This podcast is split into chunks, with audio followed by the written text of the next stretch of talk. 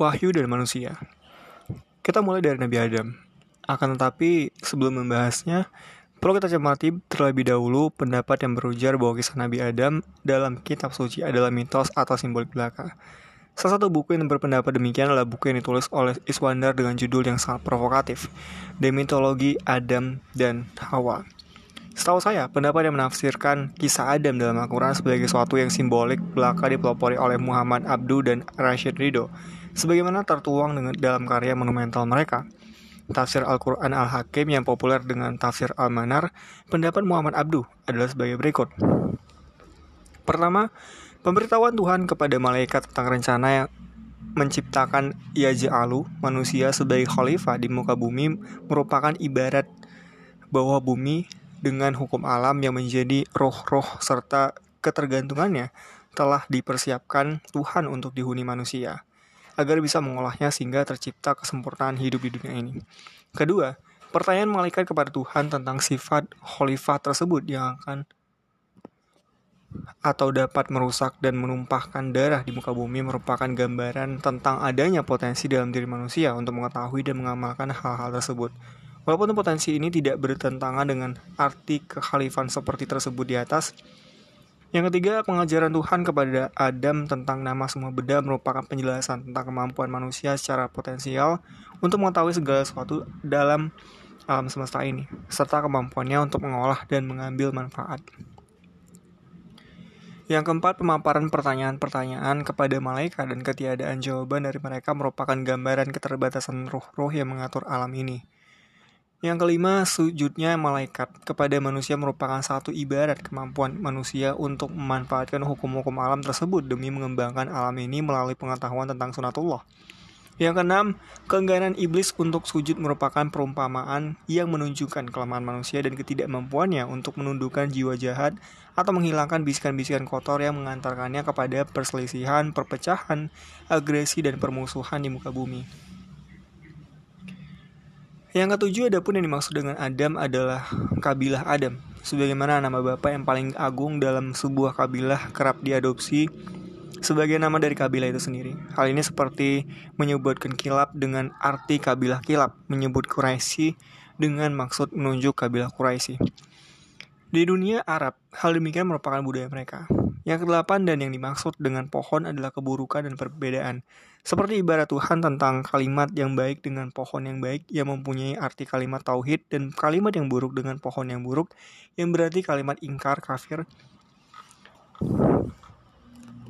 Kita dapatkan dari penjelasan Abdu ini bahwa ia telah menakwil ayat-ayat Al-Quran tentang kisah Adam tersebut. Oleh karena itu, mengomentari penjelasan gurunya ini, Rashid Ridho berujar bahwa apa yang dilakukan oleh Al-Ustadz, kemudian ia menyebut Muhammad Abdu, ini tak lebih seperti apa yang dilakukan Al-Ghazali.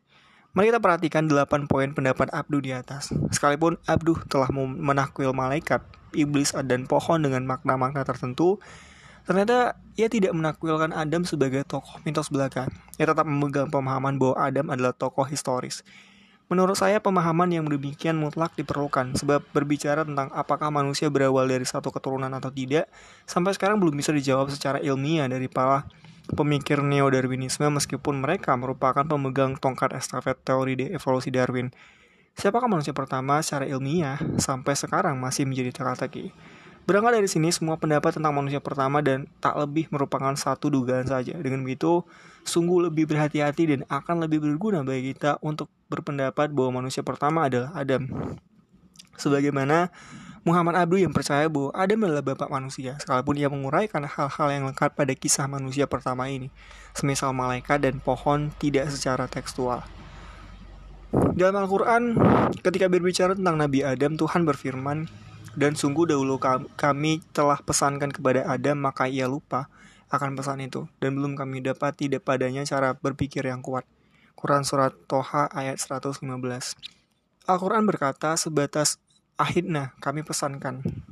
Kisah Adam berbeda dengan kisah nabi-nabi selanjutnya atau penerusnya.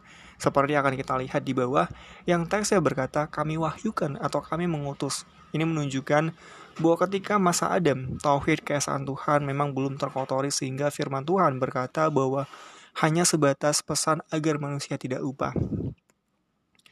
Pada masa Adam pun benak manusia belum mempunyai ketangguhan pemikiran yang mumpuni sebagaimana terbaca jelas dari ayat tersebut dan belum kami dapati padanya cara berpikir yang kuat. Allah berfirman dan sungguhnya kami telah mengutus Nuh kepada kaumnya maka ia tinggal di antara mereka seribu tahun kurang 50 tahun. Maka mereka ditimpa banjir besar dan mereka adalah orang-orang yang zalim. Quran Surat Al-Ankabut ayat 14 Demikian firman Tuhan mengisahkan tauhid pada masa Nabi Nuh. Tak ada sedikit pun argumen atau ajakan berdialog kepada kaum, kaum Nabi Nuh. Tak ada bukti logis untuk mengatakan keesaan Tuhan kepada umat Nabi Nuh. Secara kasar dapat dikatakan bahwa doktrin tauhid pada masa umat Nabi Nuh hanyalah sebatas dogma. Dogma ini dipakai oleh Tuhan karena memang umat Nabi Nuh belum mempunyai akal yang cukup untuk diajak berdialog dengan argumen-argumen logis. Pada, masa Nabi Hud, tuntunan wahdaniyah disampaikan dengan cara-cara yang hampir tidak berbeda dengan apa yang ada pada masa Nabi Nuh. Akan tapi manusia mulai diajak berdialog oleh Tuhan. Ini artinya umat Nabi Nuh mempunyai sedikit kecerdasan yang levelnya lebih tinggi dari umat Nabi Nuh. Sebagaimana dipaparkan oleh Al-Quran, Nabi Hud berkata, Dan ingatlah oleh kalian semua ketika dia menjadikan kalian sebagai pengganti-pengganti yang berkuasa setelah lenyapnya kaum Nuh dan dia telah menambah kekuatan tubuh dan perawakan kalian ketimbang umat Nabi Nuh. Maka ingatlah nikmat-nikmat Tuhan yang esa Allah supaya kalian semua mendapat keberuntungan. Quran Surat Al-Araf ayat 69 ya juga Quran Surat Al-Syu'arah ayat 123. Setelah Nabi Hud yakni pada masa Nabi Soleh, umat manusia mulai diingatkan pada mas asal mula kejadian mereka yang tercipta dari bumi. Tanah ini merupakan isyarat bahwa umat Nabi Soleh sudah memiliki kemampuan akal yang lebih tinggi, yang sanggup mencerna pengetahuan tentang asal kejadian manusia. Allah berfirman dan kepada Samud kami utus saudara mereka Soleh.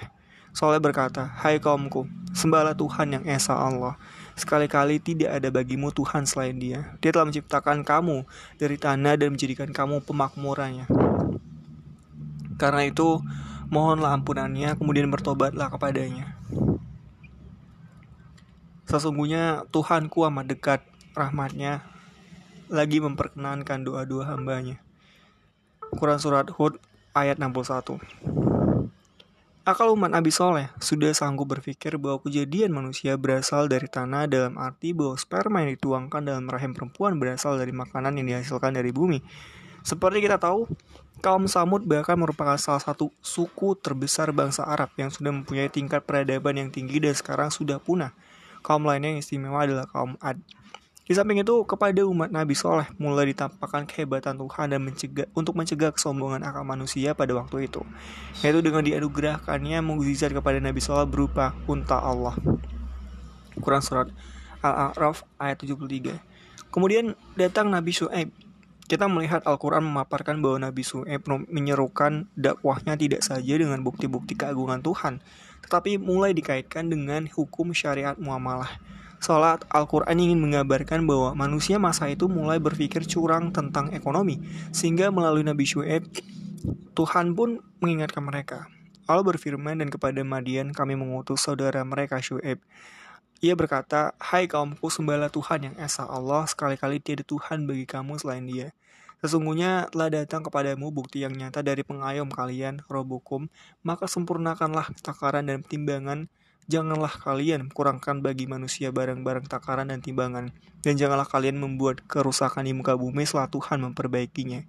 Yang demikian itu lebih baik bagi kalian jika kalian benar-benar orang yang beriman. Quran Surat Al-A'raf ayat 85 Setelah Su'ib datanglah Ibrahim yang sebagaimana diceritakan oleh Al-Quran di kala muda begitu sibuk dengan pertanyaan-pertanyaan nakal.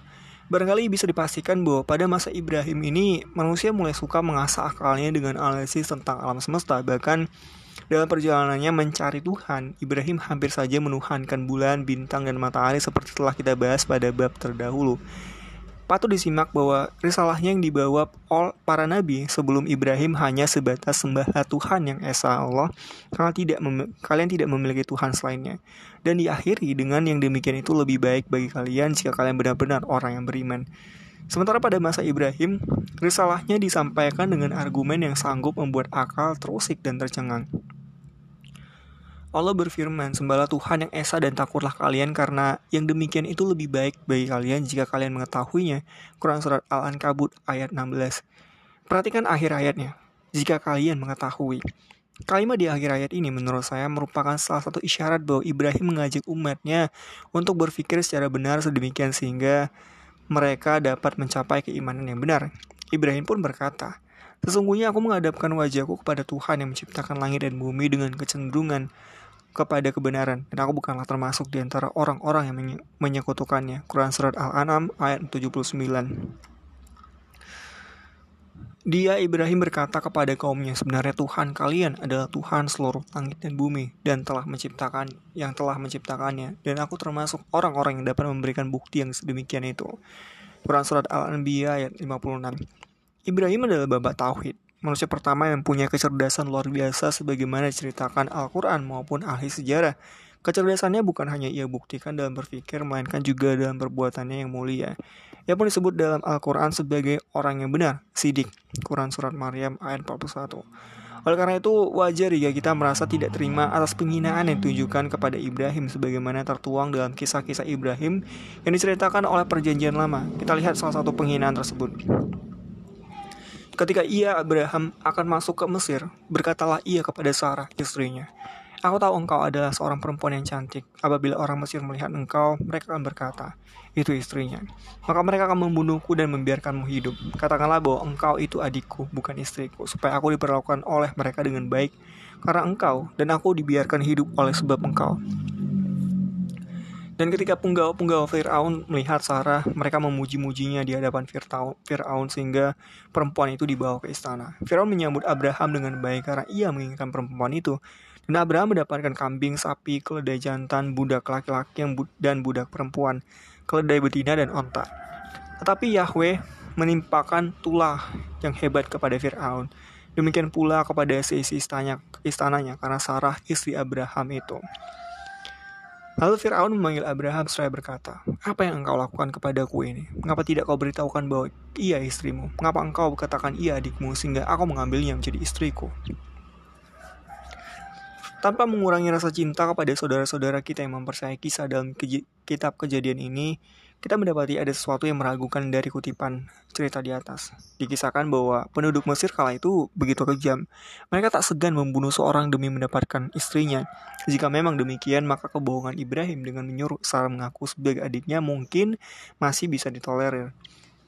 Di samping itu, mereka karena itu kita pun membaca ada sebuah riwayat dalam Sahih Bukhari yang menuturkan tentang hal itu. Menurut riwayat tersebut, Ibra Ibrahim pernah berbohong tiga kali.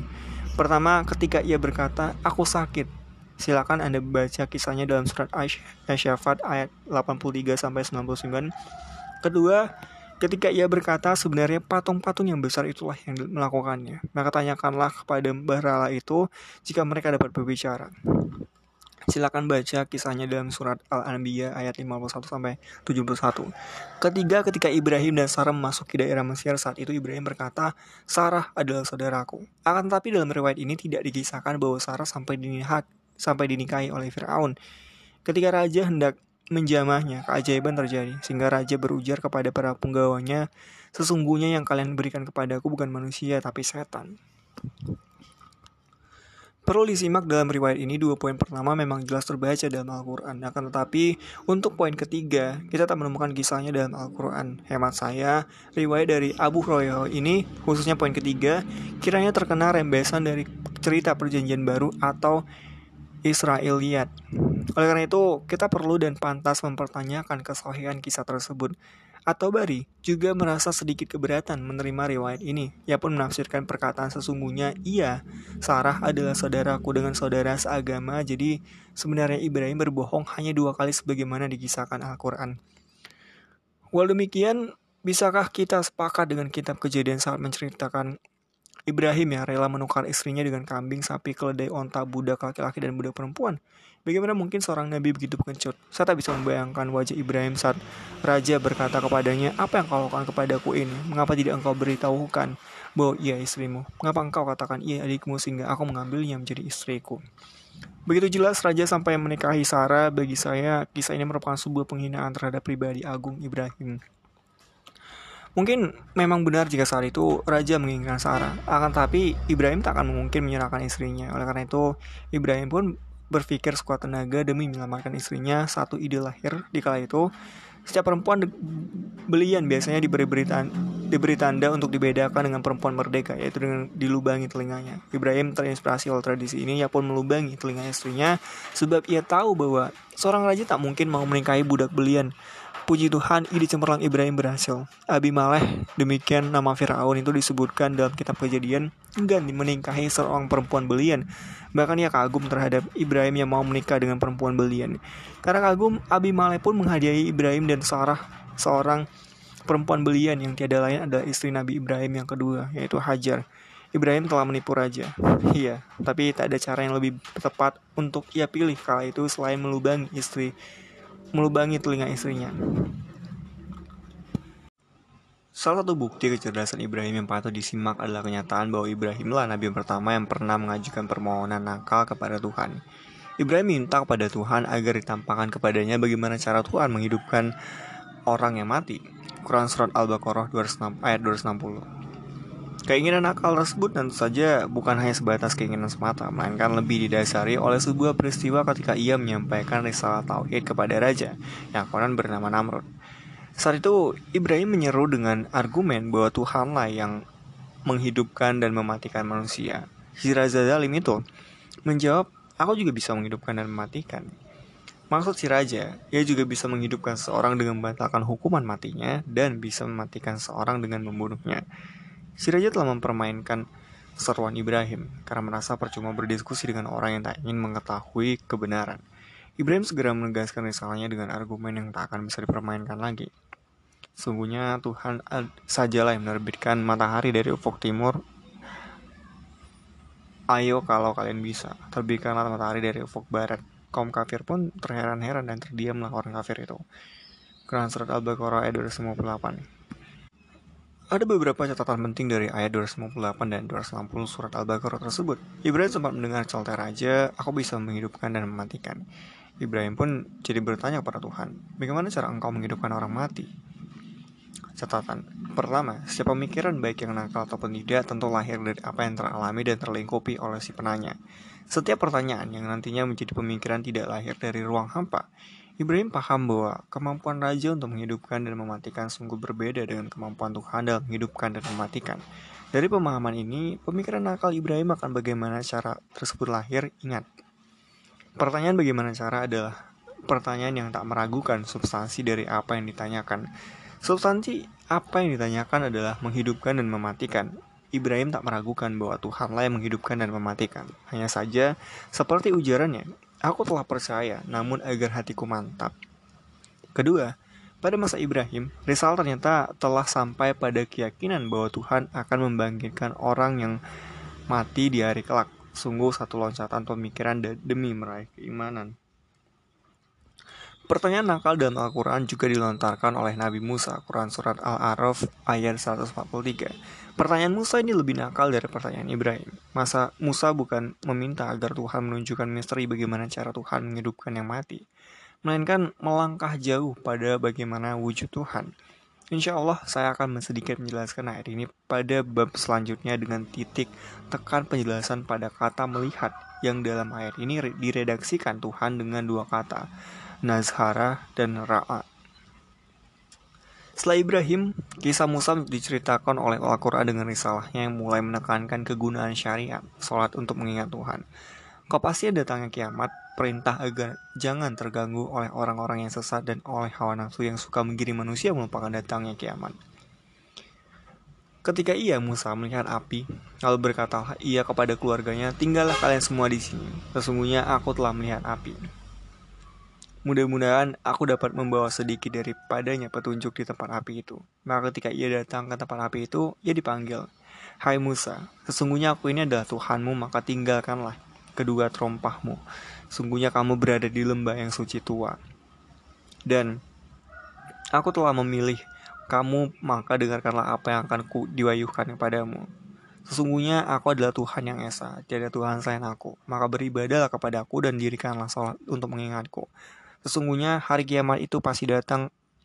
Aku hampir saja menyembunyikan kiamat supaya setiap jiwa dibahas dengan apa yang ia usahakan. Sekali-kali janganlah engkau dipalingkan darinya oleh orang-orang yang tidak percaya kepadanya dan mengikuti hawa nafsunya. Api yang dimaksud di sini adalah cahaya. Quran Surat Toha ayat 15 sampai 16. Lalu kita membaca bagaimana risalah Wadaniyah disampaikan oleh Nabi Yusuf dengan sebuah penawaran. Yusuf berkata, manakah yang baik, Tuhan-Tuhan yang baik beraneka ragam, ataukah Tuhan yang maha tunggal lagi maha perkasa? Quran Surat Yusuf ayat 39 Penawaran yang diajukan oleh Nabi Yusuf menunjukkan bahwa manusia atau benak manusia sudah mencapai suatu level analisis yang cukup tinggi sehingga tak perlu didogma untuk bisa mengimani Tuhan yang Maha Esa. Dan semakin mantap risalah nya tatkala diturunkan kepada Muhammad pengertian mantap di sini. Tidak lain adalah bahwa risalahnya yang dibawa Muhammad lebih menekankan pada dimensi manusia dan ilmu. Bahkan titik tekan risalahnya tersebut sudah tercermin dalam wahyu yang pertama turun. Bacalah atas nama pendidikmu yang telah menciptakan, yang menciptakan manusia dan segum, dari segumpal darah. Bacalah, dan pendidikmu itu yang maha mulia, yang telah mengajar dengan pena, mengajar manusia dari apa-apa yang tidak diketahui. Quran Surat Al-Alaq ayat 1-5 Ingat, wahyu turun untuk manusia. Artinya agama untuk manusia bukan manusia untuk wahyu atau untuk agama. Ingat pula bahwa yang paling pokok bagi keberadaan manusia adalah ilmu. Karena ilmu pula malaikat sujud kepada manusia Adam. Oleh karena itu, menjadi lengkaplah kemantapan wahyu ketika dalam ayat tersebut sang pemilik wahyu menamakan dirinya sebagai roh manusia. Dalam ayat tersebut, sang pemilik wahyu tidak menyebut dirinya dengan nama yang mutlak, tanpa penyandaran kepada manusia. Semisal Tuhan yang Maha Esa, Allah, tetapi dengan rob manusia. Menurut ahli bahasa, kata rob diambil dari rob yurabi, tarbiyah, rabun, yang berarti pendidik atau pengajar. Perlu diketahui dalam wahyu kedua Quran Surat Al-Qalam ayat 1-9 kata Allah juga tak disebutkan.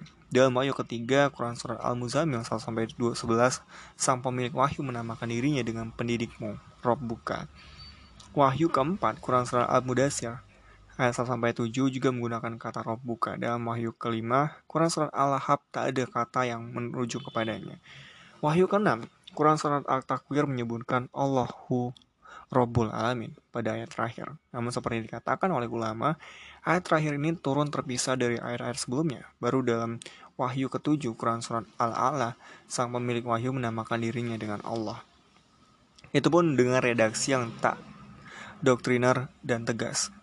Dan kami akan membacakan wahyu Quran Al-Quran kepadamu Muhammad maka kamu tak akan melupakannya kecuali kalau Allah menghendaki sesungguhnya dia mengetahui yang terang dan tersembunyi Wahyu ke-8 Al-Insyar.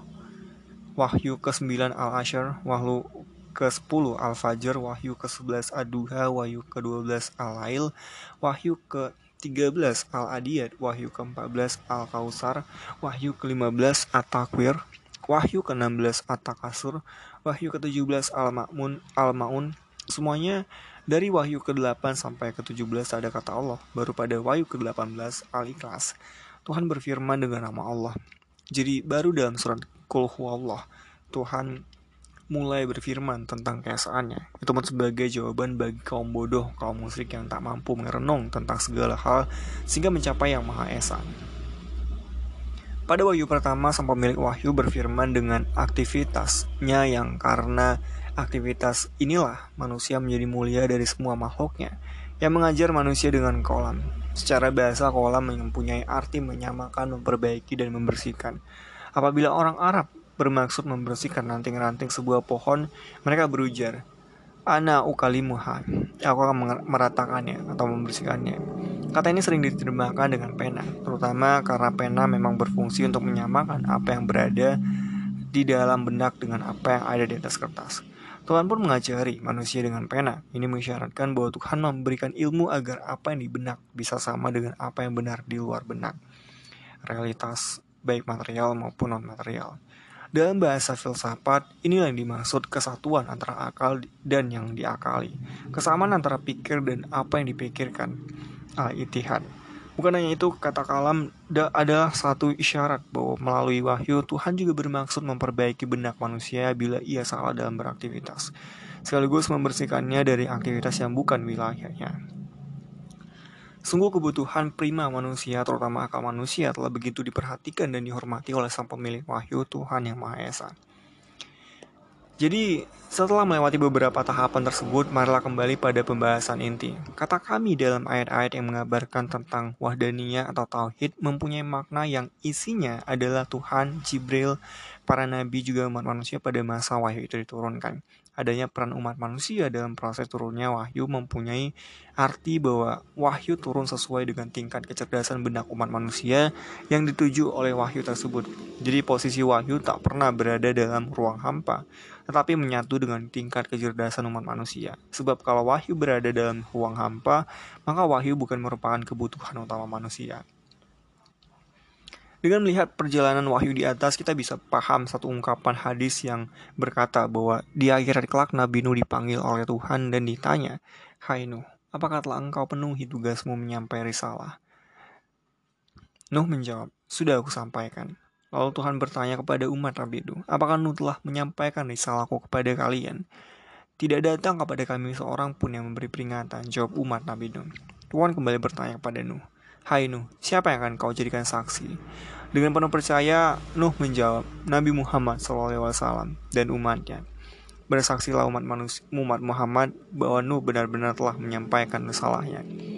Kisah tersebut bukan hanya ingin berkata bahwa Al-Quran benar-benar merupakan wahyu Tuhan yang tak terkotor di benak manusia, karena cerita Nuh di dalamnya adalah benar-benar nyata, namun juga ingin berkata bahwa pemakaian redaksi mengutus atau mewahyukan tidak sekedar menggunakan kata akhirnya kami pesankan seperti pada masa Adam dimulai sejak Nabi Nuh.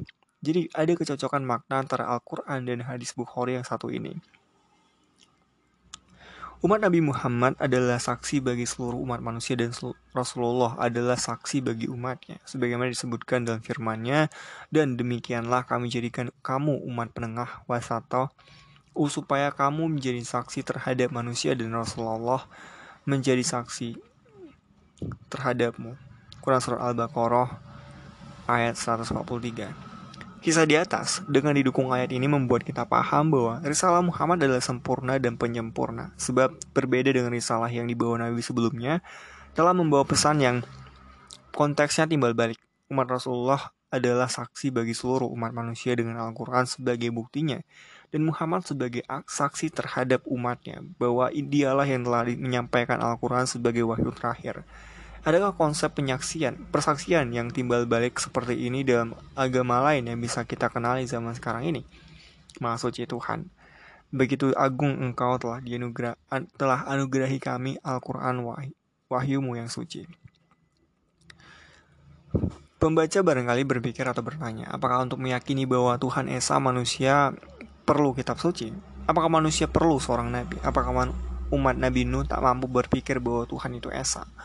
Kalau kita mencerna secara seksama ayat-ayat di atas, ajakan berpikir tentang keesaan Tuhan bu baru bermula dari masa Ibrahim dengan redaksi kalau kalian mengetahui Quran Surat Al-Ankabut ayat 16. Bisa dipastikan umat para nabi sebelum Ibrahim belum mampu berpikir secanggih umat Ibrahim. Oleh karena itu, keesaan Tuhan diungkapkan oleh para nabi sebelum Ibrahim dengan cara doktriner seperti terbaca pada kisah Nabi Nuh. Wallahualam. Adapun umat-umat setelah Ibrahim nih saya bisa merenungkan dengan akalnya sendiri bahwa Tuhan itu Esa. Sebab Al-Quran berkata kepada umat setelah Ibrahim dengan ungkapan kalau kalian mengetahui. Seperti yang sudah kita bahas pada bab sebelumnya, manusia memerlukan satu aturan untuk bisa berhubungan dengan Sang Pencipta. Manusia pun akan beriman kepada seorang nabi demi kebutuhan berhubungan dengannya. Akan tetapi, mengapa risalah pokok yang disampaikan oleh para nabi adalah wahdaniyah? Bukankah untuk menemukan keesaan Tuhan, wah dunia dapat memakai benak saja? Kita jangan lupa dalam pembahasan di atas, manusia baru bisa menganalisis secara akliyah tentang keesaan Tuhan setelah masa Nabi Ibrahim. Yang lebih penting adalah bahwa ternyata Tuhan menghendaki banyak cara atau jalan atau syariat untuk bisa berhubungan dengannya. Akan tetapi, sekalipun menggunakan banyak jalan, wahdania harus tetap menjadi patokan utama, jangan sampai jalan atau ritual penghambaan manusia itu melenceng dari wahdania.